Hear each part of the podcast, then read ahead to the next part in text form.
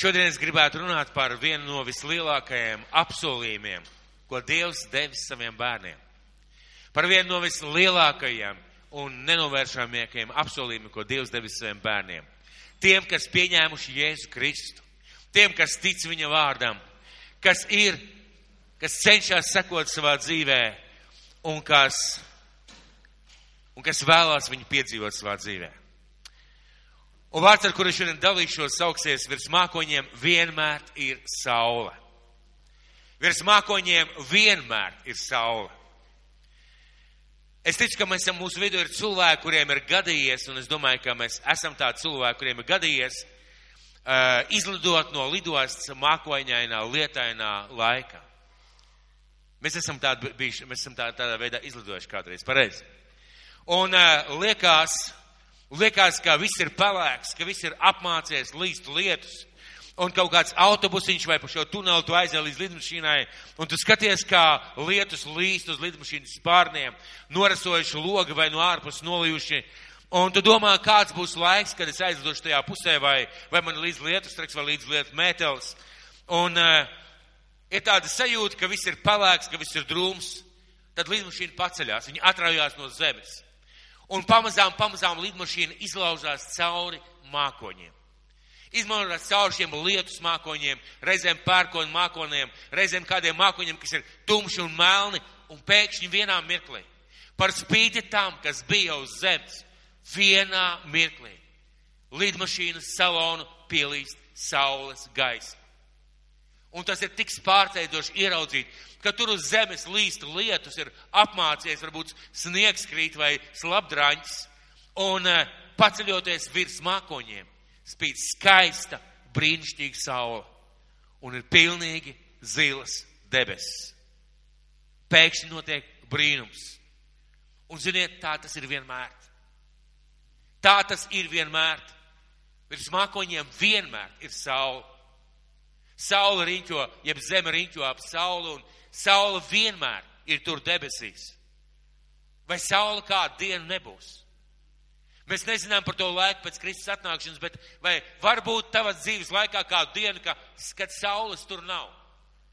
Vienkārši pamosties un ir noticis kaut kāda pilnīga traģēdija vai dabas katastrofa. Saules vienkārši vairs nav. Nav iespējams. Un ja pat līst lietus, pat ja līst lietus, jā, ir sladraņs, ir ārkārtīgi slikts laiks, saules gaisma nonāk virs zemes. Ja saules gaisa nenonāk uz zemes, ir nakts, bet dienas laikā. Ja ir gaišs, tas nozīmē, ka saules gaisma nonāk līdz zemē. Kāpēc es šodien stāstu šo līdzību? Mūsu dzīvē ir bijušas un būs dienas, kad debesis liekas kā ar svinu pielietas.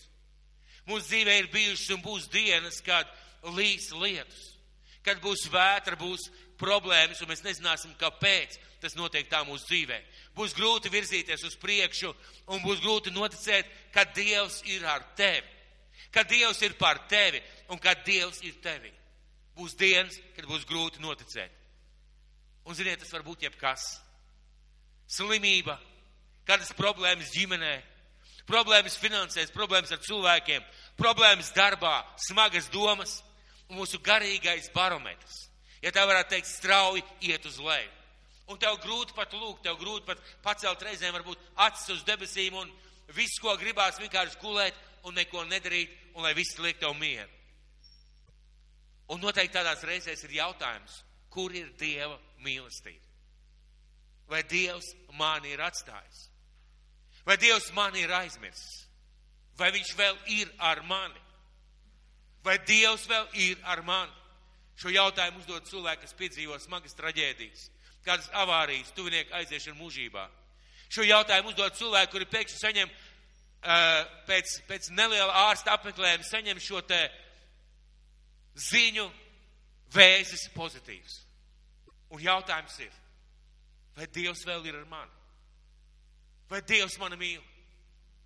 Vai Dievs kaut kur ir palicis? Un Dievs ļoti vēlās. Kristus ļoti vēlās, lai mēs ieraugam, ka viņš vienmēr ir debesīs. Ka viņa saule vienmēr ir savā vietā. Lai kas notiek uz zemes, lai ir kāda vētra, lai kāds negais, Dievs vienmēr ir debesīs, un tur spīd viņa saule, un viņa saule ir viņa mīlestība. Viņa saule ir viņa mīlestība. Un Dievs ļoti vēlās, lai mēs notveram šo atklāsmi, lai mēs zinām, lai mēs satveram, lai mēs notveram šo atklāsmi un noticām, ka arī tad, kad mūsu dzīvē nav šīs te saules, viņa vienalga tur ir. Vienalga Dievs ir par mums. Ka, lai mēs noticam, ka mēs neesam atstāti, neesam aizmirsti, neesam pazaudējušies, neesam pazuduši. Lai mēs nezaudējam paļaušanos, ticību, mieru un prieku. Un to reizē, mīļie draugi, ir diezgan grūti izdarīt. Un ir jāzina. Ir vienkārši jāzina. Ir jāmāk pacelt acis uz debesīm un ir jāzina. Tur augšā vienmēr spīd saule. Un kā mēs to varam iedar, ied, ieraudzīt, kā mēs to varam satvert? Dievs to atklāja savā vārdā. Dievs to atklāja Bībelē, svētajos rakstos. Un ja es teicu vārdus, debesis un zeme zudīs, mani vārdi nezudīs. Jūs atceraties, jā? Ja? Debesis un zeme zudīs, mani vārdi nezudīs. Ko tas nozīmē? Tas nozīmē, ka Jēzus savas autoritātes līmenī pateica, ka tas, ko esmu pateicis, tas, ko svētais gars caur saviem kalpiem pateiks, to, tas, kas būs Dieva vārdā, tas nekad nezudīs, tas nekad nemainīsies. Un uh, ir kāda lieta, par kuru šodien gribētu jums runāt, par šo vislielāko apsolījumu. Un gribu vest uz vēstuli romiešiem, vēstuli romiešiem 8. nodaļa. Atšķiriet atšķirt savās bībelēs vēstuli romiešiem, 8. nodaļa, sākot ar 28. pantu. Vēstuli romiešiem, 8. nodaļa, sākot ar 28. pantu. Un mēs zinām, ka tiem, kas mīl Dievu, visas lietas nāk par labu. Tāpēc, ka tie pēc viņa mūžīgā nodoma ir aicināti. Mēs zinām, ka tiem, kas mīl Dievu, visas lietas nāk par labu, tāpēc, ka tie pēc viņa mūžīgā nodoma ir aicināti. Un šajā pantā ir ļoti, ja tā varētu teikt, zināmā mērā tādas vienkārši, tajā pašā laikā sarežģītas lietas. Un šajā, šajā pantā ir minēti divi nosacījumi, ka visas lietas nāk par labu ticīgiem tam, kas mīl Dievu, kas ir atdevis Dievam savu dzīvi un kas ir atsaucies viņa aicinājumam. Aicinājums un mīlestība Dievu. Un jautājums ir, vai slimība, vai, vai nelaime, vai kaut kāda milzīga problēma var nākt cilvēkam par labu. Vai šis te pants nav vienkārši kaut kur izrauts no teksta, vienkārši kaut kur izburtots, vai kaut kāda traģēdija varbūt pat kādu tuvinieku nāvi, vai tas var būt par labu. Un mēs skaidri zinām, ka visas lietas šajā pasaulē nav no Dieva. Visas lietas šajā pasaulē nav no Dieva. Mēs dzīvojam grēkā grimušā pasaulē. Mēs kļūdamies. Cilvēki kļūdās. Šajā pasaulē valda grēks, valda slimības, valda problēmas. Labi cilvēki dara nepareizas lietas. Ir vēlns, kas mums uzbrūk un sēž dažādas lietas ir iemesli, jo šajā pasaulē ir grēcīga un šajā pasaulē mīt šis te grēks. Bet Dievs saka, ka viņš spēja vērst visas lietas par labu. Mums noteikti liksies. Ik viens cilvēks ir sastapies, ka kā tas man var nākt par labu. Kā tas man var nākt par labu, bet ieklausieties šajā pantā. Un mēs zinām, ka tiem, kas mīl Dievu, ja mēs mīlam Dievu, visas lietas nāk par labu. Tāpēc, ka tie pēc viņa mūžīgā nodoma ir aicināti. Dievs saka, ka viņš ir spējīgs visu vērst par labu. Un tā viņš arī dara. Pārbaudījumi mūs norūda, pārbaudījumos mēs mācāmies. Pārbaudījumi un grūtības ved mūs tuvāk viņam, palīdz mums ieraudzīt, kas ir pelavas mūsu dzīvē un kas ir zelts. Palīdz mums ieraudzīt, kas ir īsts draugs, kas ir īsts brālis un kas vienkārši par tādu saucās. Palīdz mums ieraudzīt, kas slēpjās mūsos un kas mēs patiešām esam. Un Bībele saka, šī vieta saka, ka viņš visas lietas spēja vērst par labu. Dieva mērķis nekad nav bijis darīt mūs laimīgus visās lietās šeit uz zemes. Jā, Dieva apsolījumi par svētībām, par palīdzību, par aizsardzību, tie ir un bija paliks spēkā, bet Dieva mērķis nav mūs darīt siltumnīcā dzīvojošus tomātus. Dievs vēlās mūs darīt par stipriem, norūdītiem, spēcīgiem, ticīgiem Dieva bērniem. Kāpēc? Lai mēs sasniegtu debesis. Ko nozīmē aicinājums? Dievs mūs nav aicinājis uz piecām minūtēm ticēt sev. Dievs mūs nav aicinājis 10, 15, 20 gadus ticēt sev. Dievs mums ir aicinājis ticēt Dievam šeit, sagatavoties mūžībai un dzīvot ar Dievu mūžībā. Kādā vietā Pāvils saka, viņš saka kādai konkrētai draudzē, konkrētiem cilvēkiem, viņš raksta vārdus. Ja jūs šeit tikai, ticat, tikai šeit uz zemes ticat Dieva apsolījumiem, Dieva labvēlībai, jūs esat nožēlojami cilvēki. Jo lielākās, svarīgākās, nopietnākās lietas ir tur, pēc tajā mirklī, kad Kristus nāks mums pakaļ.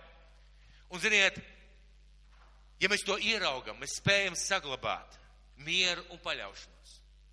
Ja mēs ieraugam šīs lietas, ka mums visas lietas var nākt par labu, mēs ieraugam un varam piedzīvot, ka mūsu dzīvē ienāk miers un paļaušanās.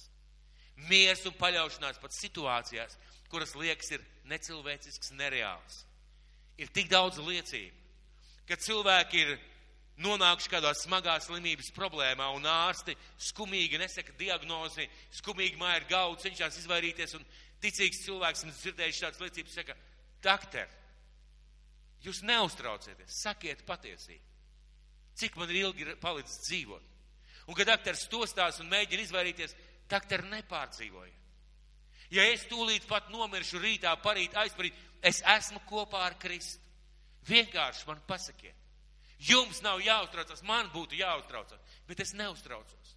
Es paļaujos uz Kristu. Es uzticos viņam.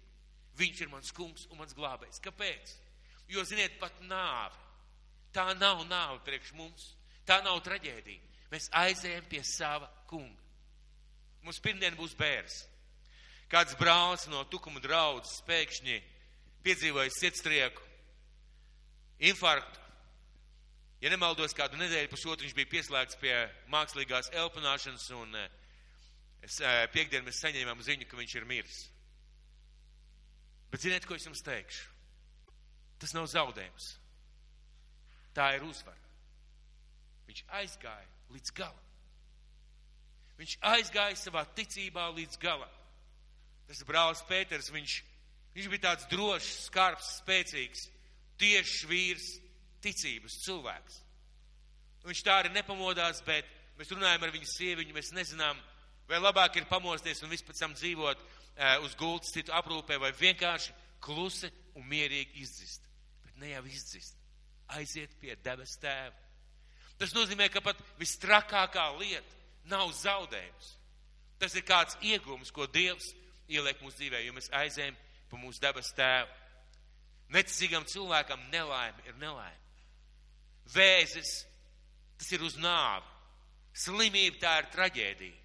Mums tas ir, lai Dievs mūs vēstu tuvāk, lai pie, atvestu pie sevis, lai palīdzētu ieraudzīt, saprast un vairāk iemīlēt Dievu, un lai mēs kļūtu tīrāki, patiesāki, īstāki un baltāki.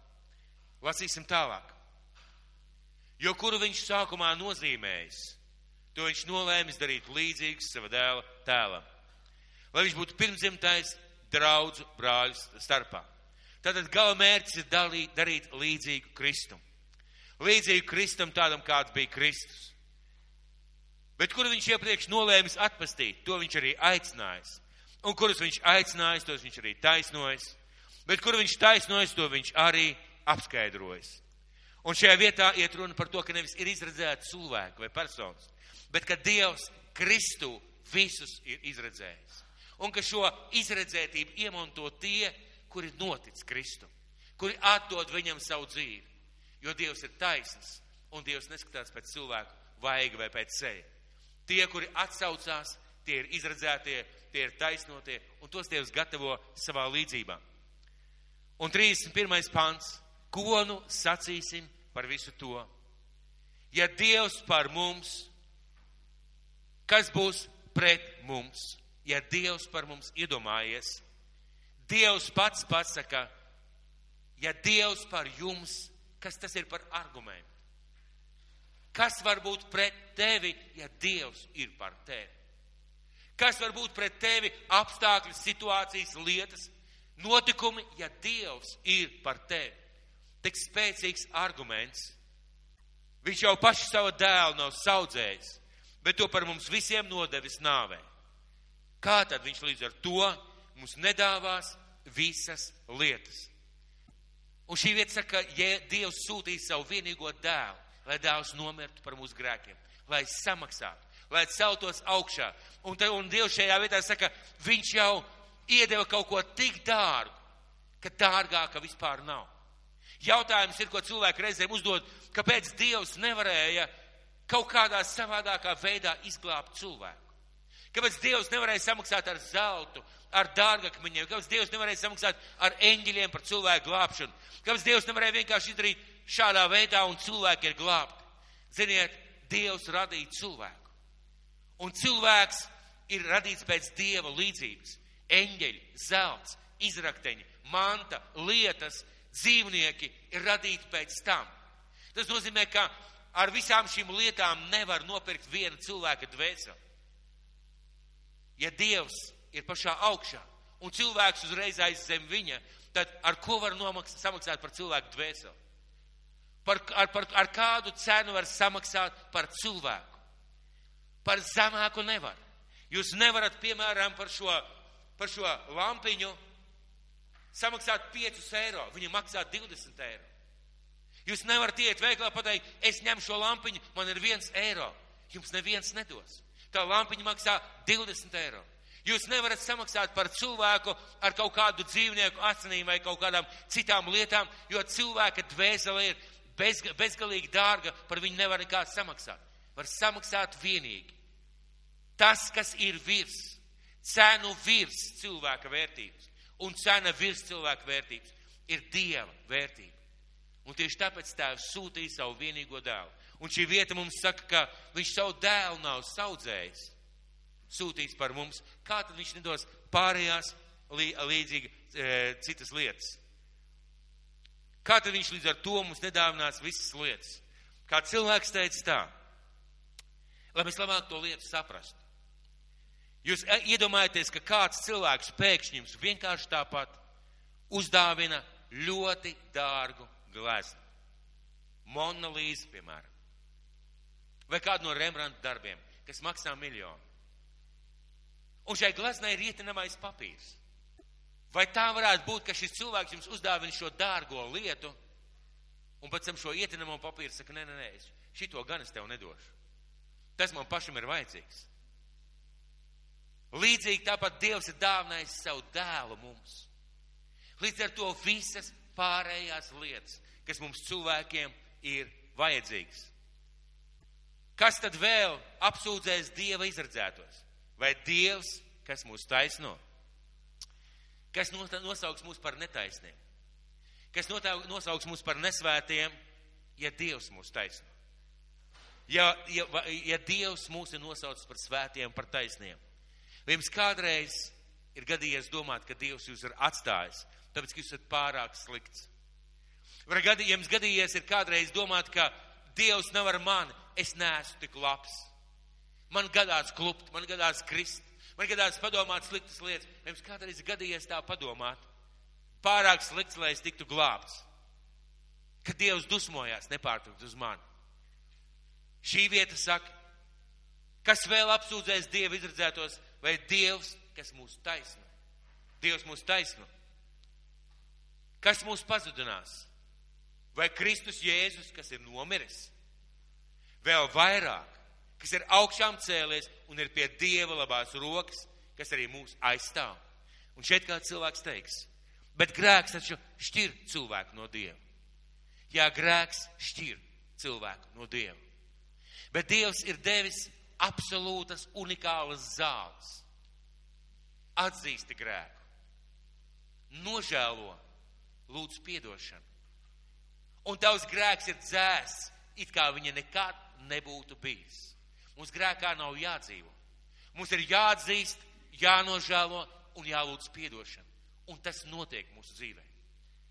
Jā, grēks mūs šķir no Dieva, bet mums ir šīs unikālās zāles. Lasīsim tālāk. Kas vēl apsūdzēs Dievu izredzētus vai Dievs, kas mūs taisno? Kas mūs pazudinās vai Kristus Jēzus, kas ir nomiris, vēl vairāk, kas ir augšām cēlies un ir pie Dieva labās rokas, kas mūs arī aizstāv. Ko Kristus šobrīd pie Dieva labās rokas dara? Bībele saka, ka viņš aizlūdz par mums tēvu priekšā. Ko tas nozīmē? Es esmu šeit uz zemes, man ir sajūta, ka man ir problēmas, man ir sajūta, ka es neesmu cienīgs, man ir sajūta, ka man, ka man viss ir galīgi garām, garīgi šķērsām, bet Jēzus šajā mirklī stāv tēva priekšā un aizlūdz par tevi. Cik labi to ir zināt, ziniet, kāpēc? Jo reizēm ir situācija, ka tu nespēji lūgt. Reizēm ir situācija, ka tu nevari pacelt acis pret debesīm, kā Bībelē rakstīts šis te muitnieks, viņš stāvēja, sita sev pa krūtīm un teica, piedod man grēciniekam, es neesmu cienīgs, pacelt savus acis uz debesīm. Bet ja es stāvu un aizlūdzu par mums debes tēvu priekšā, kas mūs šķirs no Kristus mīlestības? Kas mūs šķirs no Kristus mīlestības? Vai ciešanas, izbailes, vajāšanas, bats, plikums, briesmas vai zobens. Kas mūs šķirs no tā, ka saule spīd virs mākoņiem? Vai mājas siena mūs var šķirt? Vai mākoņi, vai lietus, vai vienalga, kas notiek, vai mūs var šķirt no tā, ka saule augšā tur spīd. Viņa vienkārši spīd. Un šajā pantā ir teikts, kas mūs šķirs no Kristus mīlestības. Vai ciešanas, Mums var būt ciešanas, vai izbailes, var būt, var būt. Vajāšanas, bats, plikums, briesmas vai zobens. Kad mūsu dzīvē ienāk līdzīgas lietas, mums reizēm var likties, ka Dievs mūs ir atstājis un aizmirsis. Tā tiešām var likties. Cilvēki tā domā. Vai Dievs man var piedot? Vai Dievs var man atma, ap, no, no, piedot šo grēku? Vai Dievs joprojām ir kopā ar mani? Šī vieta saka, viņš ir kopā ar tevi. Nekas tevi nevar šķirt no Dieva, vienīgi grēks, bet grēku tu vari nožēlot. Un tajā mirklī tas viss ir projām. Nekas nespēja. Kas ir nekas? Nekas nespēja šķirt. Gluži kā ir rakstīts, tevis dēļ mēs ciešam nāvi. Augdienu mēs tiekam turēti līdzīgām kaujamām avīm. Un šeit Pāvils min kādu vietu, eh, vietu no psalmiem kur iet runa par ciešanām, par vajāšanām, tā ir vieta no psalmiem. Un kāpēc viņš šo vietu uzrakstīja šī te, šeit te romiešu draudzē? Pāvils zināja, ka pēc nedaudz gadiem šo cilvēku dzīvē, šajā draudzē, ienāks milzīgas vajāšanas. Un viņš citēja šo, šo psalmu, šo, šo psalmu pantu, un arī mums būtu jāatcerās, jāatcerās, ka mūsu dzīvē var būt dažādas lietas, ka, ka, ka mums liksies, ka Dievs nav kopā ar mums. Lai kas notiktu, nekas mūs nespēja šķirt no Dieva mīlestības. Un svarīgi ir ieraudzīt nevis no mūsu mīlestības uz Dievu, jo cilvēka mīlestība ir svārstīga, bet no viņa mīlestības uz mums. No viņa mīlestības, kas nemainās. Mums var likties vienu dienu, es mīlu Dievu kā, kā vēl nekad. Pēc divām dienām man var būt sajūta, es nemīlu vairs Dievu, es nezinu, kurš to pazaudēs. Dieva mīlestība tāda nav.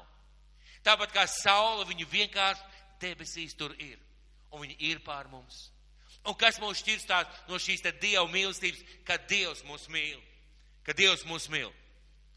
Nē, visās šajās lietās mēs pārpārējiem paliekam uzvarētāji tā spēkā, kas mūs mīlēs. Visās šīs lietās, kādās lietās? Tajās lietās, ko mēs piedzīvojam, Mēs paliekam uzvarētāji. Kādā veidā? Dievs vienā mirklī, kad mēs pieņemam Jēzu Kristu par savu kungu, kad slēdzām derības, viņš mūs nolika uz uzvarētāju piedestālu. Viņš mūs nolika uz uzvarētāju piedestālu. Uz šī piedestāla stāv uzvarētāji. Jā, un var līt lietus, var snikt sniegs, var būt vētra apkārt, bet tu tur stāvi, jo Dievs tev ir nolicis uz šī piedestāla un vienu dienu. Vienu dienu šis piedestāls atkal būs goda piedestāls. Mēs paliekam uzvarētāji ar ticību, ar paļāvību, ar gaidīšanu, ar uzticēšanos Dievam, mēs paliekam uzvarētāji, mēs paliekam šajā pozīcijā. Kā spēkā?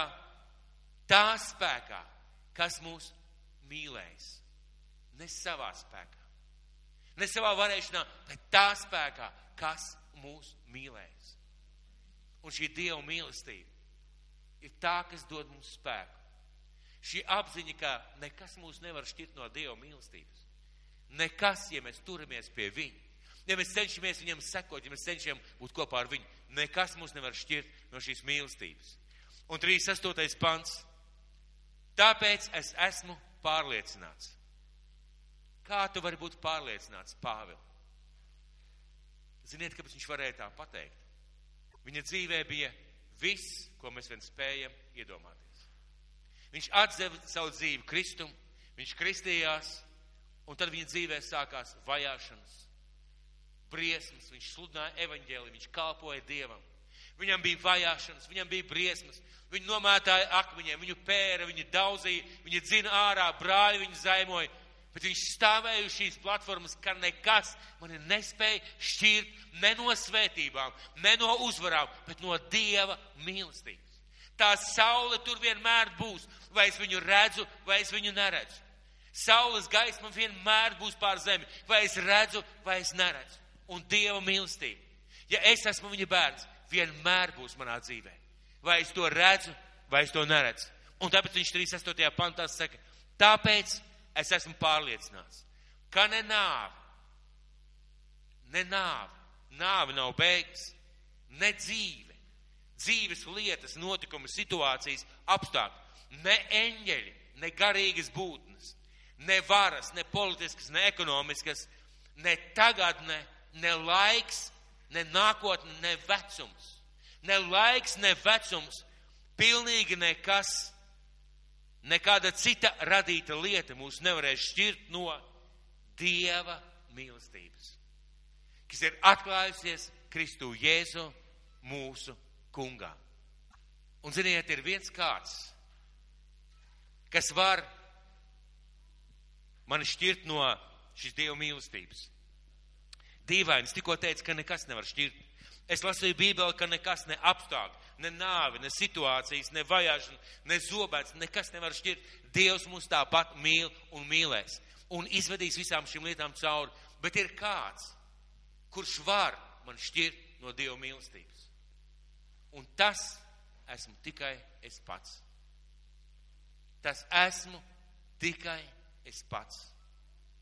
Ar nepareizu grēku kurā es varu dzīvot. Ja es atsakos no Kristus, ja es pazaudēju viņu,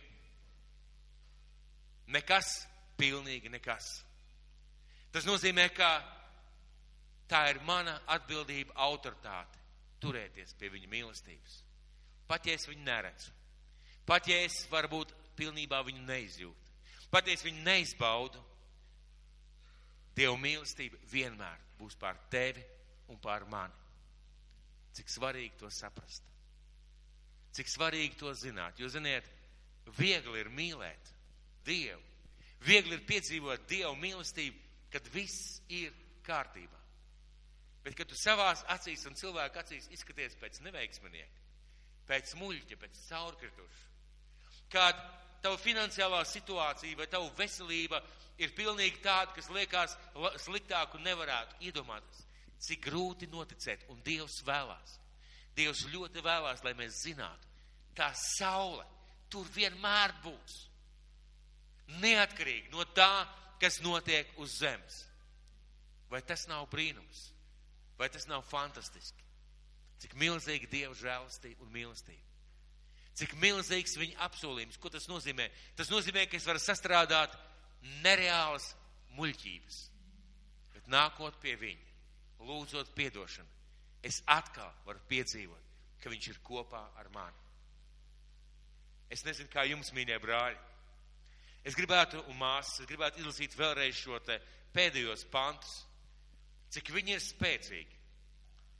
Kas vēl apsūdzēs Dieva izredzētos? Vai Dievs, kas mūs taisno? Kas mūs pazudinās, vai Kristus Jēzus, kas ir nomiris vēl vairāk? Kas ir augšām cēlēs un ir pie Dieva labās rokas, kas arī mūs aizstāv. Kas mūs šķirs no Kristus mīlestības? Vai ciešanas, izbailes, vajāšanas, bats, palikums, briesmas vai zobens? Gluži kā rakstīts tevis dēļ, mēs ciešam nāvi augu dienu, mēs tiekam turēti līdzīgi kaujamām avīm. Nē, visās šīs lietās mēs pārpārējiem paliekam uzvarētāji tā spēkā, kas mūs mīlējis. Tāpēc es esmu pārliecināts, ka ne nāve, ne dzīve, ne eņģeļi, ne varas, ne tagad, ne nākotnē, ne spēki, ne augstumi, ne dziļumi, ne arī cita kāda radīta lieta mūs nevarēs šķirt no Dieva mīlestības, kas atklājusies Kristu Jēzu mūsu kungā. Un šeit man gribētos teikt, aleluja. Aleluja. Neatkarīgi no vecuma, neatkarīgi no apstākļiem, neatkarīgi no situācijām. Visas lietas mūsu dzīvē mums nāk par labu. Un nekas un nekad neviens mūs nevarēs šķirt no viņa mīlestības. Un es ticu, ka mēs viņa mīlestību varam piedzīvot un izbaudīt katru dienu. Tā saule vienmēr būs pār tevi. Man ļoti gribētos. Šodien spīd saule. Būtu grūti atrast vēl spožāku vietu. Bet ja šodien lītu lietus, būtu apmācies, sniktu sniegs, un ārā būtu tāds laiks, kā saimnieks pat suni ārā nedzen, ka mēs visi sasēstos lidmašīnā, vienā kārtīgā Boeingā, kur, kurā sajiet kaut kur, es nezinu, cik tur 150 cilvēku, 200, uzlidot tur augšā un ieraudzītu, kā izskatās Dieva mīlestība. Un viņi tur ir. Un atceries, Dieva mīlestība vienmēr būs pār tevi. Ja tu esi Kristu pieņēmis, ja tu esi atdevis viņam savu dzīvi, ja tu esi viņam uzticējis savu dzīvi, viņa mīlestība nekad nebeigsies. Tas ir vislielākais apsolījums, ko viens cilvēks savā dzīvē var piedzīvot. Jo iedomājies, Dievs saka, nekas nevar tevi atraut no manas mīlestības. Pilnīgi nekas. Es tevi mīlu tāds, kāds tu esi, un pilnīgi nekas tevi nevar atraut no manas mīlestības. Un man ir jautājums. Varbūt šeit ir kāds cilvēks, kurš nav savu dzīvi atdevis Kristum. Nav nožēlojis grēks, nav lūdzis Dievu piedošanu, nav ielaidis Jēzu savā dzīvē un pieņēmis viņu par savu kungu un savu glābēju. Vai tu gribētu, lai šī saule arī tevi apspīd? Vai tu gribētu, lai šis apsolījums būtu arī uz tevi? Vai tu gribētu, lai šī Dieva mīlestība būtu tavā, arī tavā dzīvē, neatkarīgi no taviem apstākļiem un tavas situācijas? Un e, svarīgi to saprast, ka tu tik var, var tik vienkārši un vienkārši iegūt. Tev ir jānotic Kristum, tur ir jālūdz piedošana par grēkiem, jādod viņam savu dzīvi, jānāk viņa priekšā un jāsaka, kungs, es vēlos tev sekot. Lai Dievs mūs svētī, ka mēs varam ne tikai dzīvot, ne tikai zināt, bet ka mēs katru dienu varam gozēties šajā mīlestības saulē. Un kā tāda pēdējā lieta, es gribētu jums piedāvāt kādu interesantu rīcību. Uzlieciet sev rokas krūtīm un pasakiet, Dievs mani mīl.